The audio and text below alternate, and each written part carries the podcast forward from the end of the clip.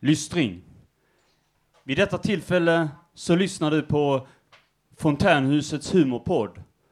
Och om du är känslig för ord som penis, vagina, kåt, runka, rövknull, incest, inavel, ligg, oavsett vad, så lämna lokalen nu.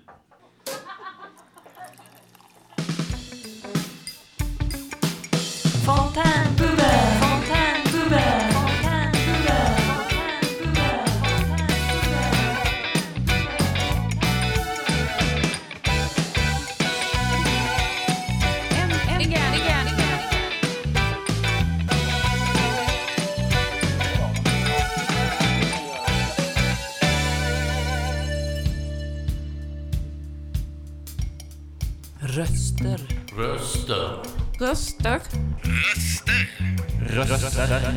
Röster.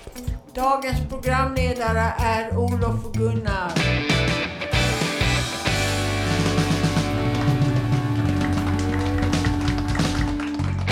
Dina röster i vardagen.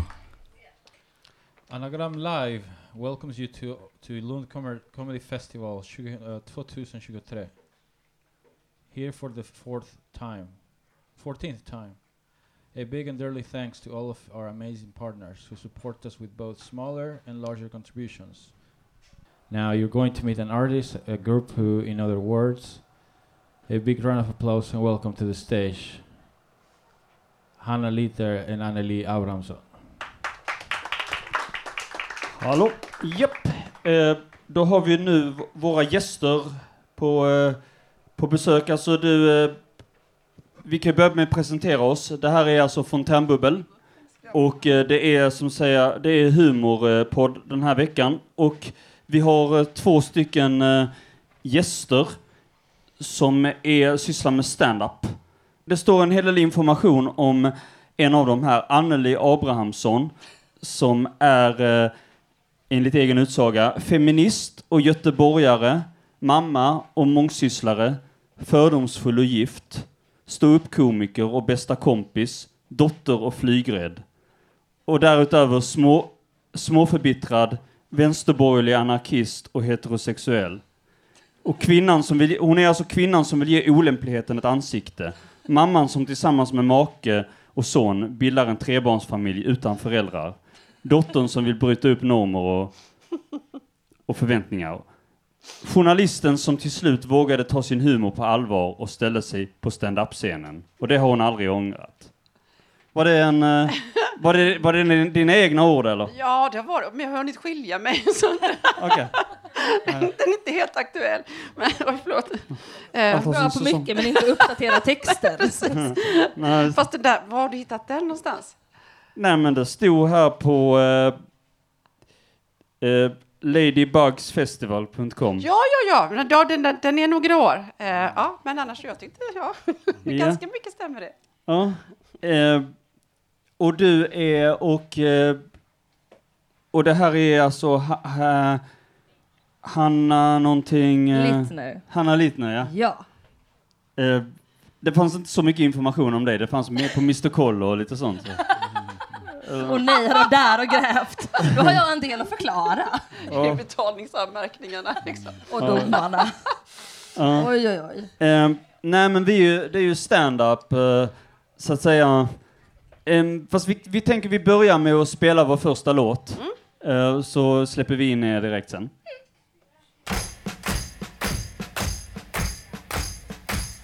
Remember got on my knees and begged you not to leave because I'd go berserk? flowers and chirping birds and basket weavers who sit and smile and twiddle their thumbs and toes and they're coming to take me away to the funny farm where life is beautiful all the time and I'll be happy to see those nice young men and their Du lyssnar på Fontänbubbel och eh, det vi precis hörde var They're coming to take me away med Napoleon, the fifth, third, five, six, seven. Jag vet inte vad de här romerska siffrorna står för. Men det skiter jag i. Eh, ja, ni är alltså eh, stand-up-artister och... Eh, eh, ja, nej, jag kan inte ta det här samtalet just nu. nej, det var jag, jag själv som trasslade in mig i någonting precis. Du är populär. Ja, nej men det var jag som tog... Nej men alltså... En, en, en av de grundläggande frågorna här, alltså kan man göra humor alltså som stand-upare? Alltså den grundläggande frågan är, varför är stand-upare så jävla tråkiga? Du tycker de är tråkiga stand-upare? Eh, nej men alltså li, lite, lite grann sådär alltså att man hittar... Eh, man, gör, man gör som sin grej att eh, komma, och, komma och säga någonting och, eh, och så pressar man fram det på något sätt och alla, alla förväntas skratta och så skrattar man på grund av det. Alltså, min fråga är liksom, kan man, eh, kan man läsa sig till humor? För det är ofta det det bygger på, så att säga, stand-up, att man, att man på något sätt eh, att, att, att man, man går en kurs och sen blir man rolig efter det. Och du tänker att man skriver sitt material och att man, att Ja. man jobbar med det och att man försöker hitta saker som är roliga, att man sen nästan har som ett manus. Är det så ja, du tänker? jo precis. Eh. då blir, man, blir inte det lite tråkigt då? Eh, alltså, alla processer ser olika ut. Hannas och min process exempelvis ser också olika ut. Jag skriver inte så mycket material. Eh, mycket av mitt, när jag, när jag eh, skriver stand-up comedy, då är det så att jag kanske promenerar eller att jag duschar eller att jag gör någonting annat. Och då kan mina skämt komma fram. Så att det inte, men det, det går också, som du säger, som, jag har ju också gått kurs för Martin Svensson som, som har Ja. hållit en kurs här på Fontänhuset. Så att det går också att skriva. Men eh, ja, så att det är lite både och. Det beror lite grann på hur man jobbar, tänker jag. Eller vad tänker du, Hanna? Ja, men det är ju, jag tänker att det kommer till en så himla olika. Jag har ju aldrig en process nästan där jag sätter mig ner med ett tomt papper och är så här, nu ska jag skriva något kul. Nej. Det är mer att man gör någonting annat eller man pratar med någon eller man läser nyheterna och bara gud vilken konstig grej som hände. Det här kan jag göra någonting av. Alltså Eh, många har ju också eh, anteckningarna i mobilen för att Ja. när man får idéer så, alltså, och det är också ofta helt osammanhängande, då kan det ju exempelvis ja, vara röv och så något annat ord så kommer man tillbaka till den anteckningen sen så tänker man, men gud vad tänkte jag här egentligen? Så kommer man inte ihåg. Men så att man får ofta idéer och då måste man ju någonstans skriva i sin mobil, för det är oftast det man har med sig ju. Ja. Så att de ser också helt bisarra ut, våra mobiltelefoner. Om Ja. man skulle hitta dem bara oj. Jag skulle tro att det var kod. Ja. Precis. Ja. Ja. Nej men alltså, hur, där är också en fråga, då är det ju på något sätt humor, kräver det någon form av förkunskap? Tycker ni för att man ska för att man ska förstå eller uppskatta? Alltså det, det, gäller, det, gäller, det gäller inte bara stand-up utan det gäller all humor, tycker ni det? Egentligen så tänker jag, alltså, egentligen tänker jag att inte man ska behöva ha en massa förkunskaper, för det är också komikernas roll är ju också att eh, försöka få människor i publiken att förstå hur man tänker. Det är ju lite grann där svårigheten är. Ehm, och, och tolka eller ta, ta i handen, men det är nästan allt berättande handlar ju om att man ska fånga och, och liksom lotsa eh, en läsare eller tittare eller vad det nu är, lyssnare. Eh, och få den att följa med liksom, på ens resa. Det jobbar ni också med när ni gör podd, alltså att ni, man ska ta in. Du hade ju en presentation exempelvis. Ja, ja Så- precis. Det var också, det var också lätt det, Jag vet inte hur mycket det, det var ju en del som skrattade, men, eh, men jag vet ju inte hur mycket, det kanske blir ännu roligare om man har lite förkunskap och man vet vad det är en travesti på det jag Kan vara, absolut. just Ja. Men egentligen tänker jag att den enda förkunskapen man alltså, behöver är ju sig själv. Mm. För det är ju det man utgår ifrån. Alltså, Du när menar man, oss som komiker? Eh, Ja, men Ja, också som ja, publik. ja. Alltså, går man in och eh, lyssnar på stand-up så tänker jag att då går man ju in med att men det här vet jag om världen, okej, Mm. då tycker jag att det här är roligt, eller det här förstår jag inte alls. Eh, och som komiker så utgår man ju från att ja, men man kanske skojar om ja, men det här hände med mig, eller det här såg jag igår, eller det här tyckte jag var helt sjukt att en politiker bestämde. Eh, tänker jag. Så den utmaningen man har i så fall, det är väl att hitta saker som eh, ja, men kunna prata om saker som många kan på något sätt liksom knyta an i. Mm. Eh, även om inte de har någon förkunskap om det. Eh, så man behöver inte vara expert på precis allt någon pratar om, men det kan ändå vara man kan ändå tycka att det är kul. Ja, eh, jag tänkte vi lägger på en låt eh, nu så fortsätter, så, så kommer vi tillbaka sen. Vi, det är hög temperatur, vi är fortfarande uppe i diskussionen, men vi, ibland, vi, våra lyssnare väntar sig att vi har lite musikavbrott ibland, så vi får göra dem en tjänst också.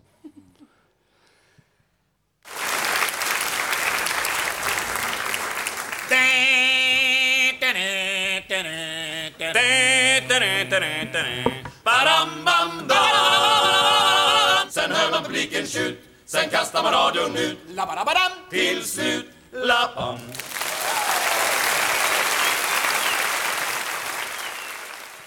Du lyssnar på Fontänbubbel och det vi precis hörde var den gamla klassikern Bara Sport av eh, Galenskaparna After Shave. Ja, det var mer, det var mer eh, ordvrängningar och ord än, än, vad, än vad till och med undertecknad har eh, lyckats klara av att smälta på en gång. Men, eh, ja. Men eh, ja, vi är tillbaka mm, eh, nu med våra gäster.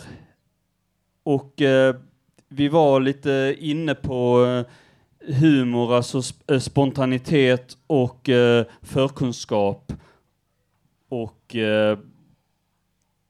alltså en annan sak jag tänker, det finns ju ett kontrakt kanske då mellan de som utövar humor och de som lyssnar. Alltså i den mån att man är, att man kommer och att alla, att de, man är på något sätt införstådd. Eller det, det, det är viktigt att vara det i alla fall, att, att de skrattar åt samma sak, alltså att, att, de, att de tycker att de har ett öppet sinne för, för vad man själv säger och att, och att de skrattar med en så att säga.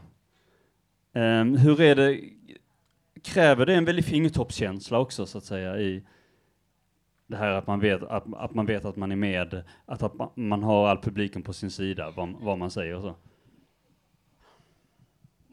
Det är en svår fråga, Ja, tänker det är en jag. svår fråga. Alltså, på den... Hanna och jag...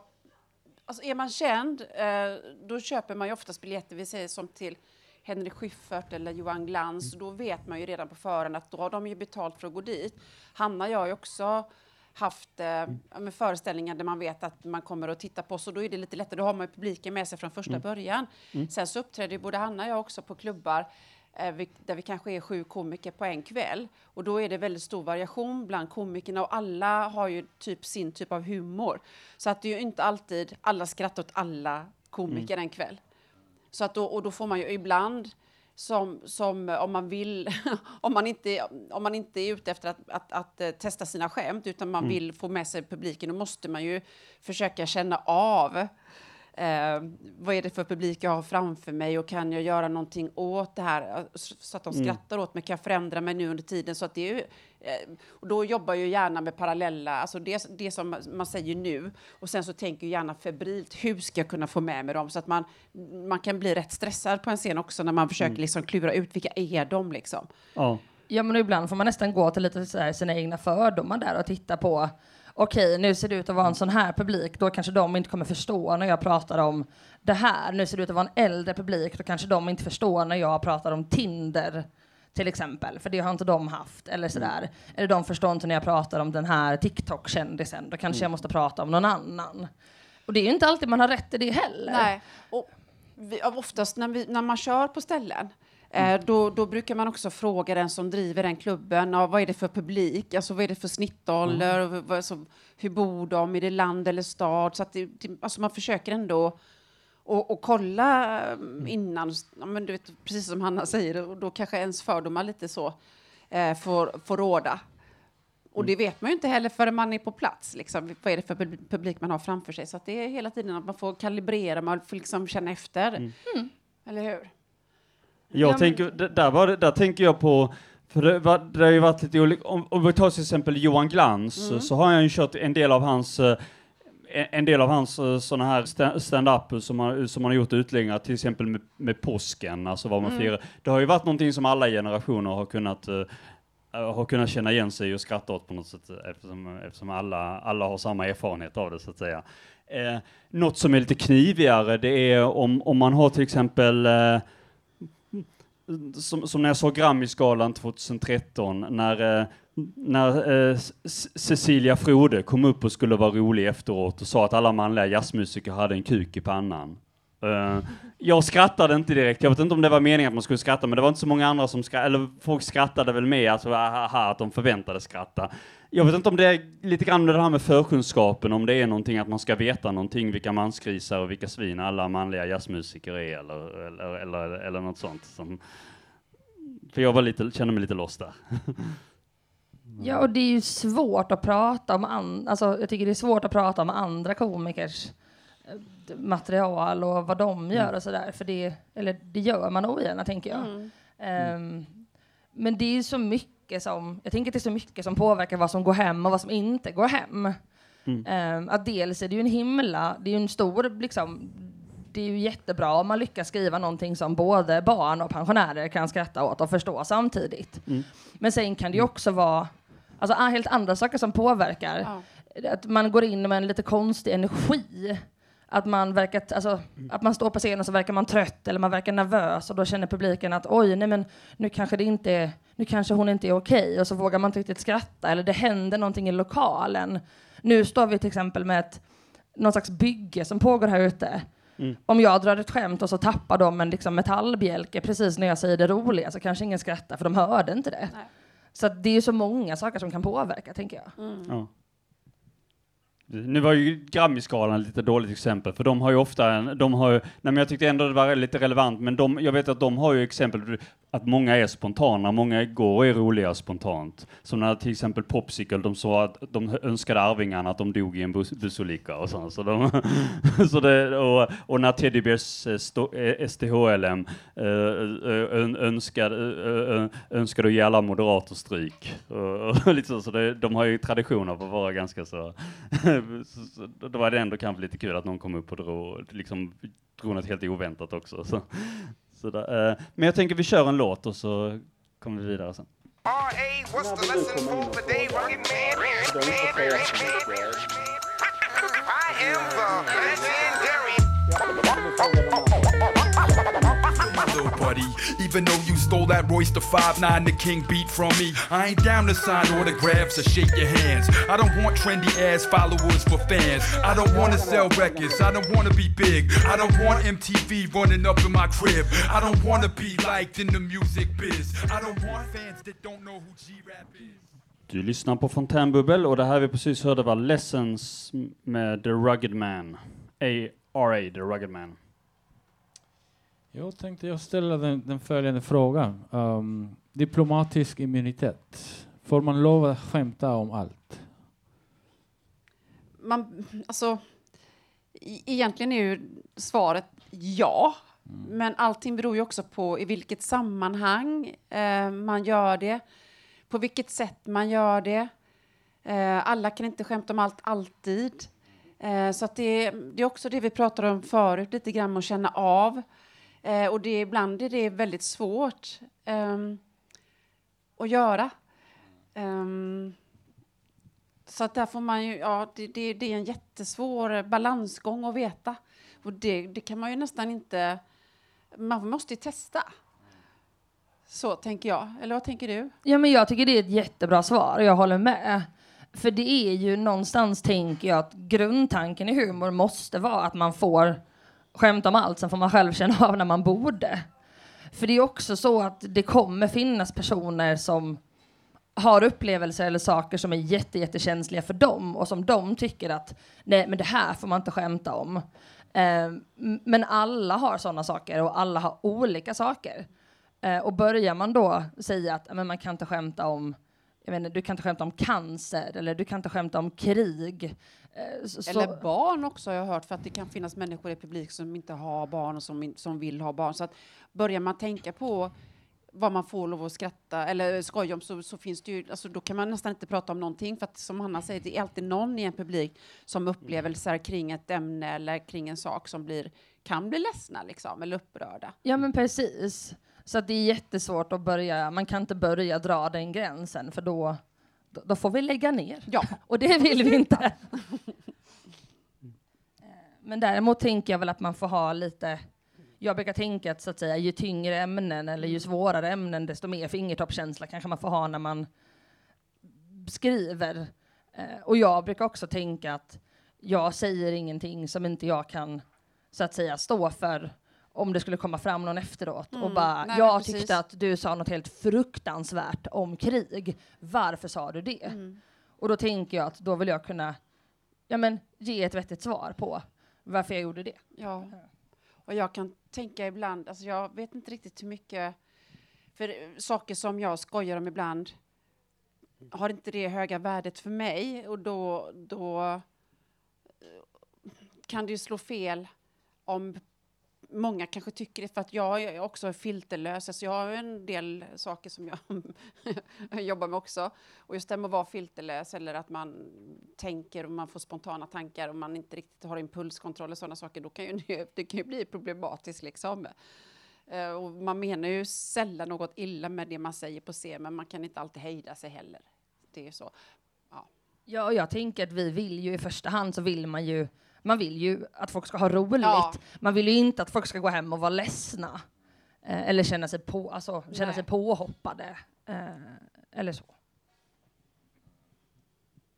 Sen, finns det, sen tänker jag, det finns ju vissa så här känsliga, alltså när det, vi- vissa saker blir känsliga att skämta om när det, när det har en väldigt politisk relevans, att det blir någon väldigt, alltså om det, om det blir, om, man, om, nå- om, nå- om det är en väldigt infekterad debatt eller väldigt känslig situation.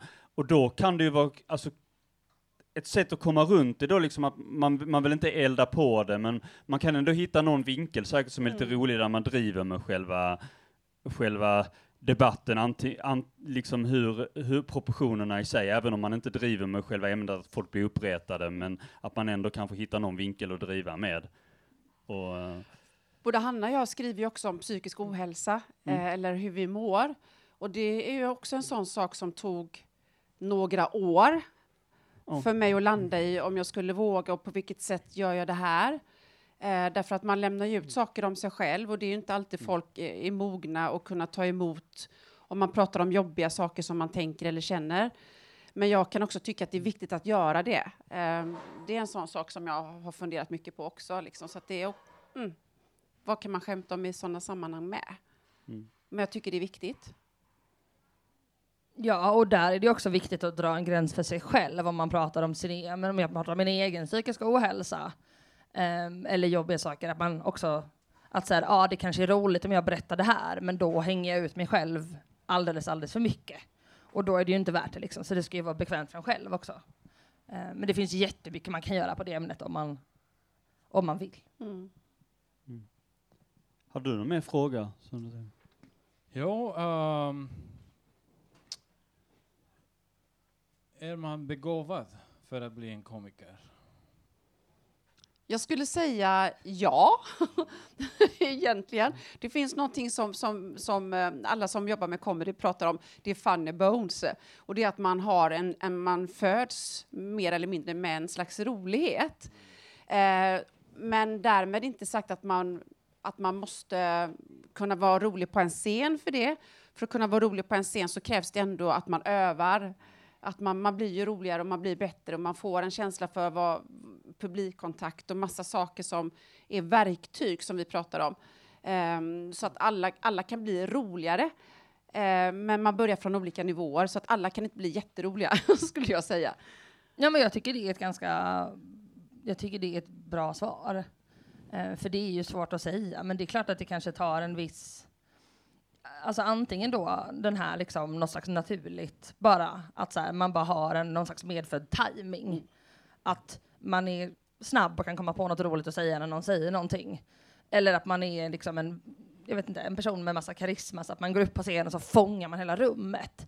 Men det går ju också att lära sig på massa sätt och bli bättre och utvecklas. Så det är inte som att det är så antingen är du född rolig eller så är det kört. Eh, utan det finns ju massor att lära sig och vi har ju hållit på i ja, ett gäng år var. Du har hållit på mycket längre än vad jag har. Eh, men vi kan ju också fortfarande bli bättre. Och det kan Ja. komma någon som kör för första gången som bara är hundra gånger roligare än vad jag är. Eh, så att det är ju olika. Mm. Eh, ja, eh, vi behöver närma oss snart, det är väl dags att släppa in publiken, men jag tänkte ett, eh, ett, ett ämne ändå som jag tycker är intressant, som har, väldigt, som har verkligen, verkligen exploderat den senare tiden, det är det här med, man, det här med att st, st, st, många stand-upare alltså förra året till exempel när vi hade stand-up show så skulle nästan alla skämta om sina diagnoser.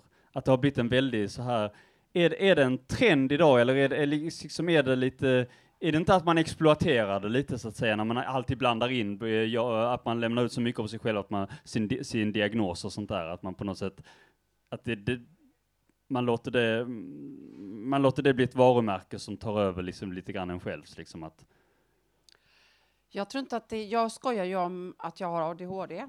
Mm. Ehm, och jag tänker att eh, för mig har det handlat jättemycket om att jag eh,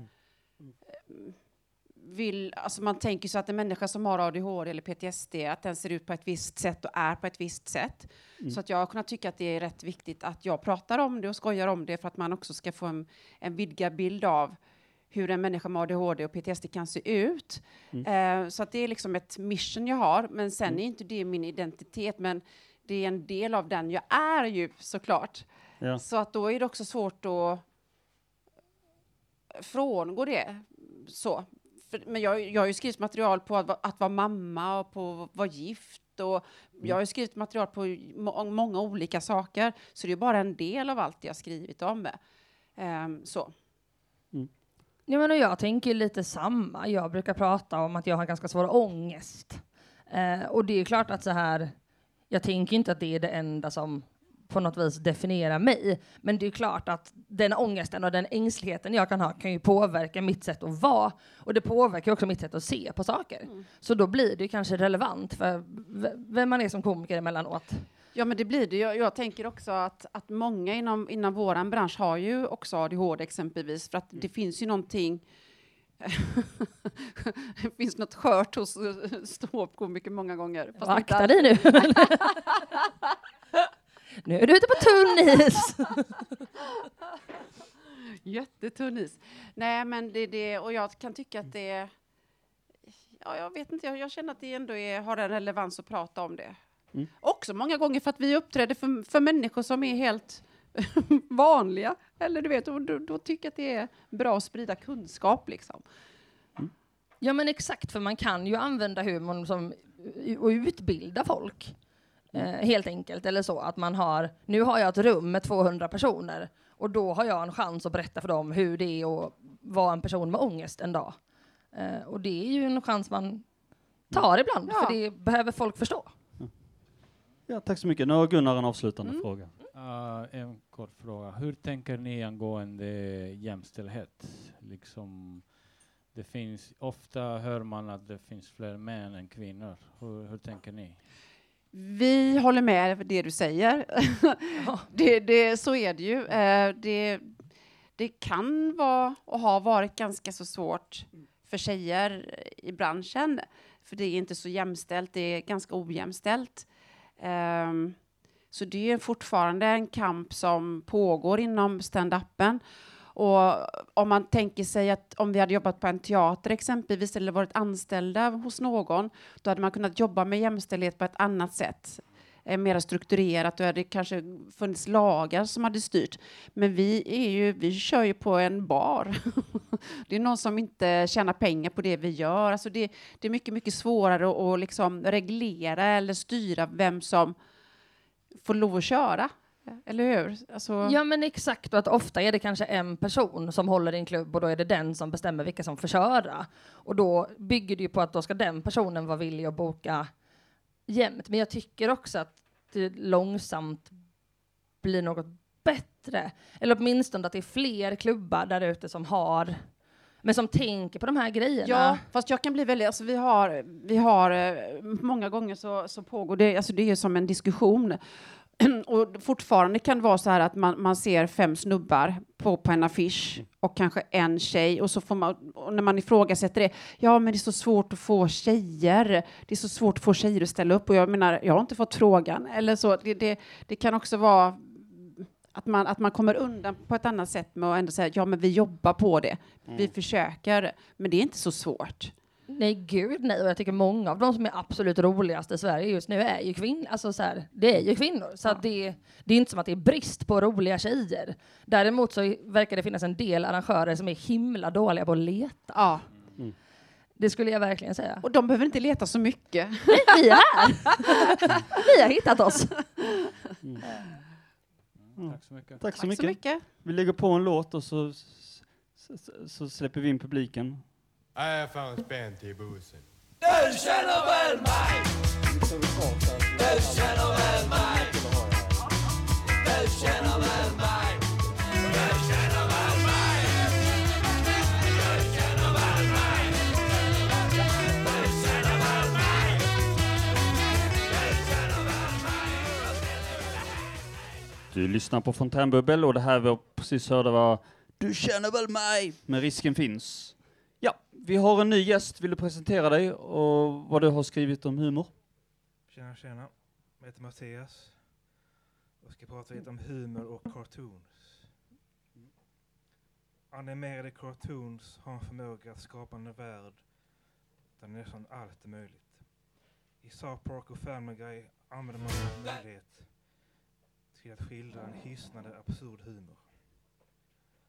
Denna typ av humor ger tittaren en chans att skratta åt det som i en annan kontext kan vara förbjudet eller tabu. Både South Park och Family Guy är kända för sin förmåga att skildra samtida kulturella och sociala frågor på ett humoristiskt sätt. Animerade serier som South Park och Family har förenat landskapet för humor och kulturell kritik. Genom sin unika förmåga att kombinera absurd humor med skarpsinniga observationer om samhället får det oss att ifrågasätta och reflektera över vår egen verklighet. Animerade cartoons erbjuder en lekplats för våra mest vilda och kontroversiella fantasier när det gäller att, att behandla humor. Själv är Paradise BD en favoritcartoon från min sida som först började sändas 2018. En utmärkt serie för de som älskar en blandning av absurd, svart och ofta kontroversiell humor. Det var alldeles. Tack så mycket. Det, och det, det tänker jag också på. Eh, det kan vi säga lite kort om att det, det Mattias precis pratade om, så stämmer det att det är väldigt svårt för kanske ic- icke-tecknade serier att eh, komma undan och få samma komiska effekt, till exempel. Man kan ju se, se ba, bara en sån sak som Tom och Jerry när det är en katt och en mus som pucklar på varandra. Det skulle vara ganska svårt att göra humor av, se, få det bli samma humor i verkligheten om man gjorde en liknande, fast med riktiga katt och mus. Ja, och, och också...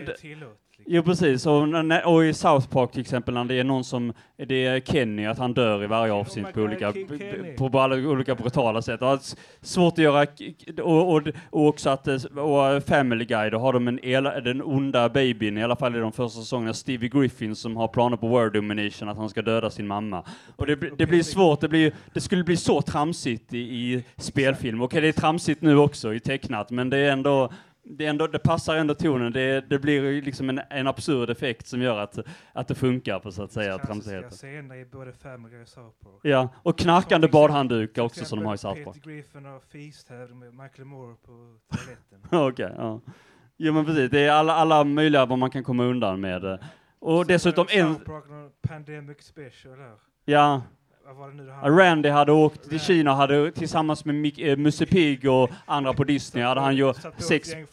Ja precis, hade han satt på fladdermus och... Det är sån absurd humor som Ja. animerad... eh, En sak som jag kan säga innan vi släpper upp vår nästa gäst, det är också just det här vad man kan göra, tänker jag, med rösterna, eftersom det, när det är animerat så lägger man ofta fejkröst, och det, det är ofta en komisk effekt om man gör någonting, att man kan få röster, man kan göra rösterna hur man vill, extra nasala eller pipiga eller, eller vad som helst, eller, eller annat, eller bombastiska eller vad som helst, S- som också, gör, som också gör att man kan komma undan med mer och att det får mer komisk effekt. Tycker ni om animerat? Ja, gud ja. Och jag, alltså det är roligt att höra er, därför att Mm. just att kunna tänja på gränserna tror jag också är mycket, mycket lättare när det är tecknat eller animerat. Eh, och jag tror också att det är ett av världens roligaste jobb att vara skådespelare till animerad. Ja, men det tror jag också. Ja. Ja, men det tror jag också. Jag har faktiskt inte hittat någon sån animerad humorserie som jag riktigt har fastnat för. För att ingen av dem är riktigt, det är inte min typ av humor, men det säger ju också någonting om hur brett humor kan vara. Ja. För det här är ju otroligt stora framgångsrika serier som jätte- jättemånga personer tycker är Mm. kul. Det är precis. Det blir kul serie av det. Liksom. South Park till exempel är väldigt populärt. Ja. Ja men precis. Mm. Ja. Ja, eh, vi, vi tackar Mattias och eh, så har vi en eh, ny gäst. Jag, eh, eftersom du är så rutinerad så vågar jag nog presentera dig. Eh, det, jag säger att du heter Tony Faulkner. Ja, så är det ja. Oh, tack, tack. Eh, jag har ställt den här frågan till manliga komiker, men jag tänkte så höra vad ni tycker. Går det att skämta om allt? Ja. Ja. Det har vi ju precis. Det har vi varit inne på lite, Ja. men det, det, det tycker vi. Sen betyder inte det att man alltid i alla sammanhang ska skämta om allting. Nej. Eh, men man får. Ja. Och man kan. Ja. Och som vi pratade, vi också pratat om det på vilket sätt man gör det. Mm. Ehm, men han har också sagt idag förut också att man har ju sig själv som utgångspunkt så att man, har, man kan inte heller förställa sig så mycket så att man måste ju hela tiden också utgå från sig själv när man skämtar. Och som du också sa förut att, att eh, känna efter liksom vad som känns bra för en själv. Så. Det handlar ju om timing lite grann. För Ja, Mm, Skämt om 9-11, det funkar kanske nu, men det funkar inte då. det var ju några som drog sådana 9-11 skämt jättetidigt liksom. Mm. Ja. Efter 9-11. Ja. Ehm, och ja, Ja, men och det tyckte jag man märkte där precis i början av pandemin Ja. också. Att då, då, när man skämtade, eller när folk skämtade om det, så var folk, då var det så nytt och folk var lite oroliga och Ja. då, då gick inte det riktigt hem. Ehm, men nu Mm. funkar det ju fine, eh, tänker jag. Ja. Mm. Och skämt om psykisk ohälsa, är det bara vi som har det som kan skämta om det? Ja men det är sånt, Det är alltså, det, där sånt är en jätte, och- det där är en jättebra fråga, Ja. för vi pratar mycket om det, inte bara när det gäller psykisk ohälsa, utan om ganska mycket. Eh, måste man ha haft cancer för att få skämta om cancer? Alltså det, det, det, det, vi brottas med den typen av Ja. frågor. Eh, så jag vet inte, Nej. egentligen. Eh, jag tror inte att man behöver ha psykisk ohälsa för att skoja om psykisk ohälsa. Egentligen tror jag inte att man behöver det.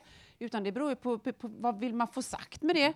Vill man prata om sin mamma som var knasig? Som, men du vet, det, det är olika saker. Ja, man får läsa publiken och så. Ja, man får göra det. För att det ja. jag, jag är inte en vän egentligen av att man måste äga eller ha någonting för att få skoja om det. Eh, utan det beror ju på vilken ingång man har i det materialet i sådana fall. Eller vad tänker du? Ja, men jag tänker väl liknande, men ibland så blir det ju också, kan det ju bli roligare för att du faktiskt har, du skämtar om depression och du har en egen erfarenhet av det som du kan ta ifrån. Du visar distans till det också. Ja, Ja. men också en annan förståelse, Ja. alltså en annan förståelse och kan hitta andra vinklar Mm. som någon som har så googlat depression kanske inte tänker på. Eh, Nej, det blir, det, alltså, nej, det, blir ju inte, det blir ju ganska platt, tänker jag, om man ska försöka låtsas att man har varit deprimerad.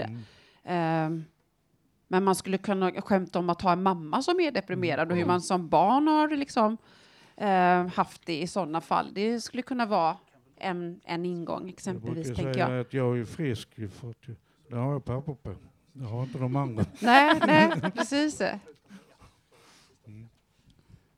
Ja. Tack så mycket. Japp, vi tackar så mycket. Vi, har, eh, vår, vi hinner inte med så mycket mer. Vi har, vår, vi har en gäst till. Vill du presentera dig eller ska jag presentera dig? Jag, jag, jag heter Roger, Roger Klang. Och, eh, alltså jag kan inte vara rolig, okej? Jag tycker redan där att det var roligt. Men i alla fall, jag- vad jag skulle säga är att eh, jag är, eh, för att använda, eh, jag, folk skrattar inte med mig, folk, folk skrattar åt mig. Till och med min egen familj, för att använda ett uttryck, ett engelskt uttryck, för jag hittar inget bra svenskt. Eh, det är att um, uh, I'm the laughing stock, stock of my family. Så de har roligt med mig i min familj, ba, bara för att jag antagligen har ett drag eller är autistisk. Så har de väldigt kul åt mig. Alltså de skrattar åt mig. De mobbar, min egen familj mobbar mig. Tänker du, jag tänker när du säger sådär så tänker jag också att det kan ju hända att du har en annan, en annan syn på världen som, som är överraskande. Och överraskning gör ju ofta att man skrattar. Eh, det är det oväntade som gör att man egentligen skrattar. Eh, så det kan ju vara att, de, att du, att du Just säger jag- roliga jag, saker. Jag, jag, jag vänder på saker. Jag tar, Ja. tar, börjar om på och ta, ta upp nya ämnen och så hela tiden och så skrattar de. Ja, så de Men- kanske, du kanske men- är rolig. Men jag tycker om min familj, det är inte det. Det är Nej. bara det att... eh, Jag ville säga det. Ja. Tack så mycket. Ja, tack så mycket. Ja, vi, vi, programmet börjar gå mot sitt slut, så vi tackar gästerna. Har ni något mer ni vill säga innan ni... Det var jätteroligt att vara här. Jag tycker att ni har ställt jättebra frågor, vill jag säga. Ja, jag instämmer med Anneli. Superroligt. Tack så mycket. Och vi, då tackar vi, tackar jag mig och eh, Olof och eh, Gunnar. Vill du säga någonting innan du... Nej, det, det, det vill jag bara säga, det var roligt att vara med. Tack så mycket. Tack så mycket. Ja, och så tackar vi publiken och eh, vi, vi tackar eh, Buster. Ja, och så tackar vi de som var uppe. Det var Roger och eh, Tony och, eh, Matti- och inte minst Mattias som, eh, som var uppe och ställde frågor. Eh, och som höll en, och, och ja, i Mattias fall så läste han upp en, en väldigt in, intressant text om humor och tecknat. Eh, men eh, ja, det var trevligt att hålla den här podden. Vi, vi, kväll, eh, eftermiddagen och kvällen är lång, så vi, låt oss inte uppehålla er längre. Nu lägger vi på den sista låten, Always Look on the Bright Side of Life med Monty Python.